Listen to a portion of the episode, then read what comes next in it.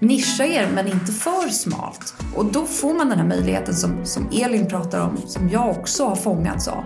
Att faktiskt få kunna få bli riktigt bra. Och kanske en eller flera delar av ett nischat område.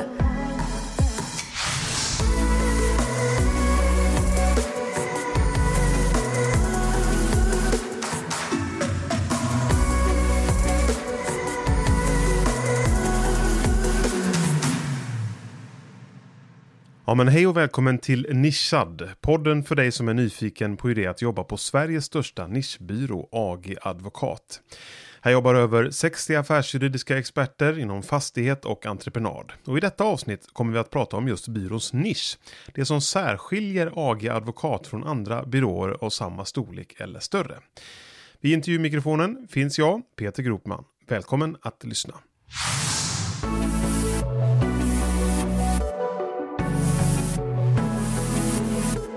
Och gästerna då? Ja, det är två av byråns jurister. Partnern Victoria Edelman och advokaten Elin Skedin. Välkommen till Nischad båda två. Tack. Tack så mycket.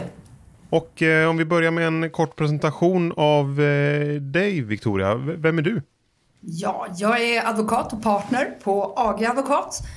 Eh, här har jag varit sedan 2001 så jag firar faktiskt 20-årsjubileum. Jag eh, pluggade i Lund och sen så visste jag inte vad jag skulle göra så då satt jag ting. Och fortsatte sen på domarbanan så jag tillbringade till slut fem år i domstol och blev hovrättsassessor innan jag fick för mig att jag skulle prova på att arbeta på advokatbyrå. Och fick tjänstledigt i ett år och det är alltså 20 år sedan. Så jag har varit här sedan dess. Då hette byrån Andersson Gustafsson och var en väldigt liten byrå. Härligt att eh, du är med och Elin, eh, vem är du? Mm.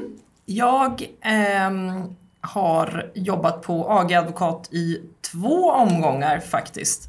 Ehm, jag pluggade i Stockholm och eh, därefter satt jag ting i Sollentuna, numera Attunda tingsrätt, två år. Sen började jag på AG Advokat 2007 och så jobbade jag i fem år och sen har jag varit sex år som bolagsjurist på JM.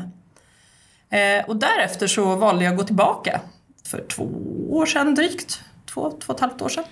Och Victoria, hur särskiljer sig då en nischbyrå från en eh, fullservicebyrå? Det som jag tycker är särskiljande det är att man får möjlighet att, att faktiskt bli riktigt bra inom ett visst rättsområde eller gentemot en viss bransch. Eh, så det ser jag som den stora fördelen med att ha en, ett, en nischbyrå som sin arbetsgivare. Och vad kan man ha för förväntningar när man börjar på en eh, nischbyrå? Det är faktiskt att du får möjlighet att eh, fördjupa dina kunskaper eh, på ett sätt som jag bedömer att man inte får göra på en, en byrå som ska vara full service där många av de unga juristerna förväntas lära sig flera olika områden. Så att man får en möjlighet här att vända sig mot en viss bransch. Vår bransch är ju fastighets och entreprenadbranschen och lära sig om branschen och lära sig den juridik som hör till den branschen. Jag sysslar mycket med att skriva avtal, eh, löpande projektrådgivning i eh, entreprenadprojekt. Victoria arbetar en del med LOU. Eh, där kommer upp, hon, hon jobbar med ungefär samma sak som jag också såklart, men, men även tvistelösning och LOU.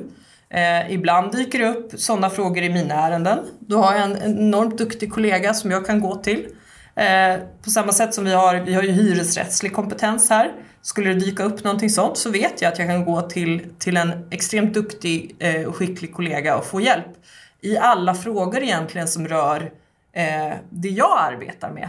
För att vi är en, en bred nischbyrå. Och, och Victoria, hur bemannas uppdrag som berör just flera verksamhetsområden? De bemannas oftast med en partner till att börja med, eller en senioradvokat som, som Elin till exempel. Och sen arbetar vi nästan alltid två och två i våra ärenden. Så att vi, det brukar vara då åtminstone två partners eller, eller två senioradvokater och ytterligare två stycken jurister. Så jag skulle säga att våra team är nog minst fyra, men kan bli eh, upp till sju, åtta personer beroende på om vi måste sätta ihop det en en lite större transaktion, till exempel en fastighetstransaktion där vi behöver entreprenadrättslig kunskap för att kunna bedöma eh, olika, trans, olika entreprenadavtal som ligger eh, och som är del av transaktionen. och kanske också offentlig upphandling eller en bedömning av tvister som föreligger. Och när det är sådana här eh, uppdrag som berör flera verksamhetsområden, hur, hur lång tid liksom håller de på? Är det flera år eller hur? Det beror, det beror på vad det är för typ av, av uppdrag. Många gånger är det så att eh, när jag arbetar i, i en rådgivande verksamhet med en entreprenad så kan det vara så att jag behöver ta hjälp av några som är mera experter inom ett visst område, till exempel hyresrätt som behöver komma in under en viss tid. Så att är det en, en långdragen tvist så kan det ta flera år. Är det däremot en, en fastighetstransaktion så går det oftast mycket, mycket fortare.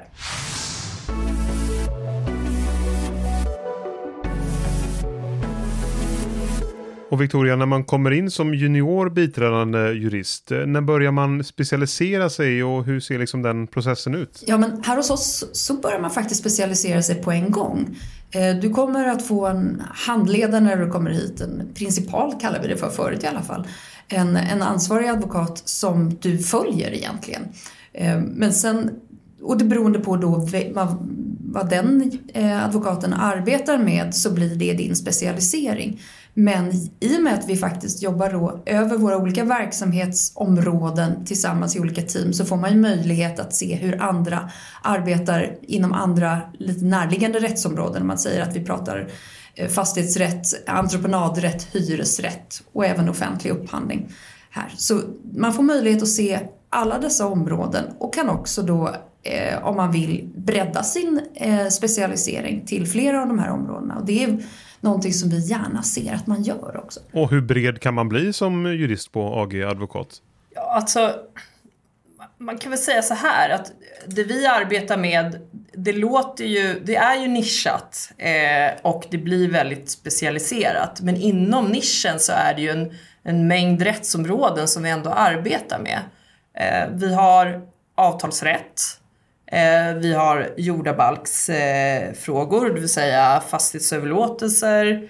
Eh, vi har eh, fastighetsregleringar, servitut, plan och byggrätt. LOU har vi. Det blir inslag av köprättslig tolkning ibland när man pratar entreprenadavtal, även om det skulle vara en fråga som inte är reglerad inom standardavtalen AB och ABT som vi då använder. Det dyker upp Eh, konkurser ibland och eh, vi är ju inga konkursförvaltare alls men vi får ju då ibland i uppdrag att bevaka fordringar i konkurser. Ehm, eh, och så, så jag vill nog säga, och, och, eh, just det, en sak till ska jag säga, det, det finns även eh, ganska ofta då arbetsmiljörättsliga frågor i byggprojekt, det är ju det en väldigt, väldigt viktig fråga. Eh, och jobbar du med transaktioner, ja då får du in en del skatterätt.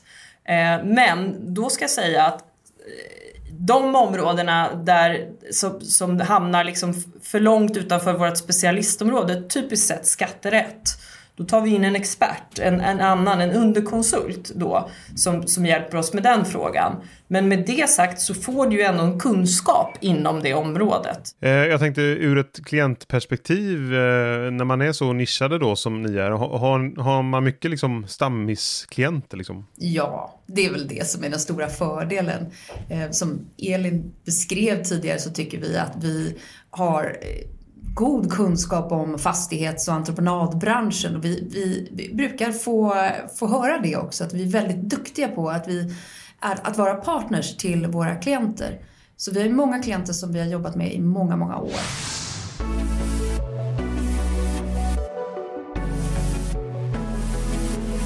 Och, och, Victoria, jag tänker eh, om man som student då, om man eh, tänker på sin framtid. Har du några råd och tips när man ska välja liksom inriktning och rättsområde.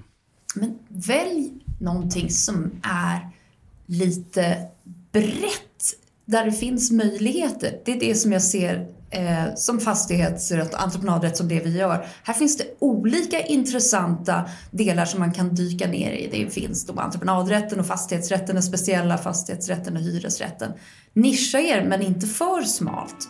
Eh, och då får man den här möjligheten som, som Elin pratar om, som jag också har fångats av, att faktiskt få, kunna få bli riktigt bra och kanske en eller flera delar av ett nischat område. Tack så mycket för att ni kom till eh, podden Nischad. Tack. Tack så mycket.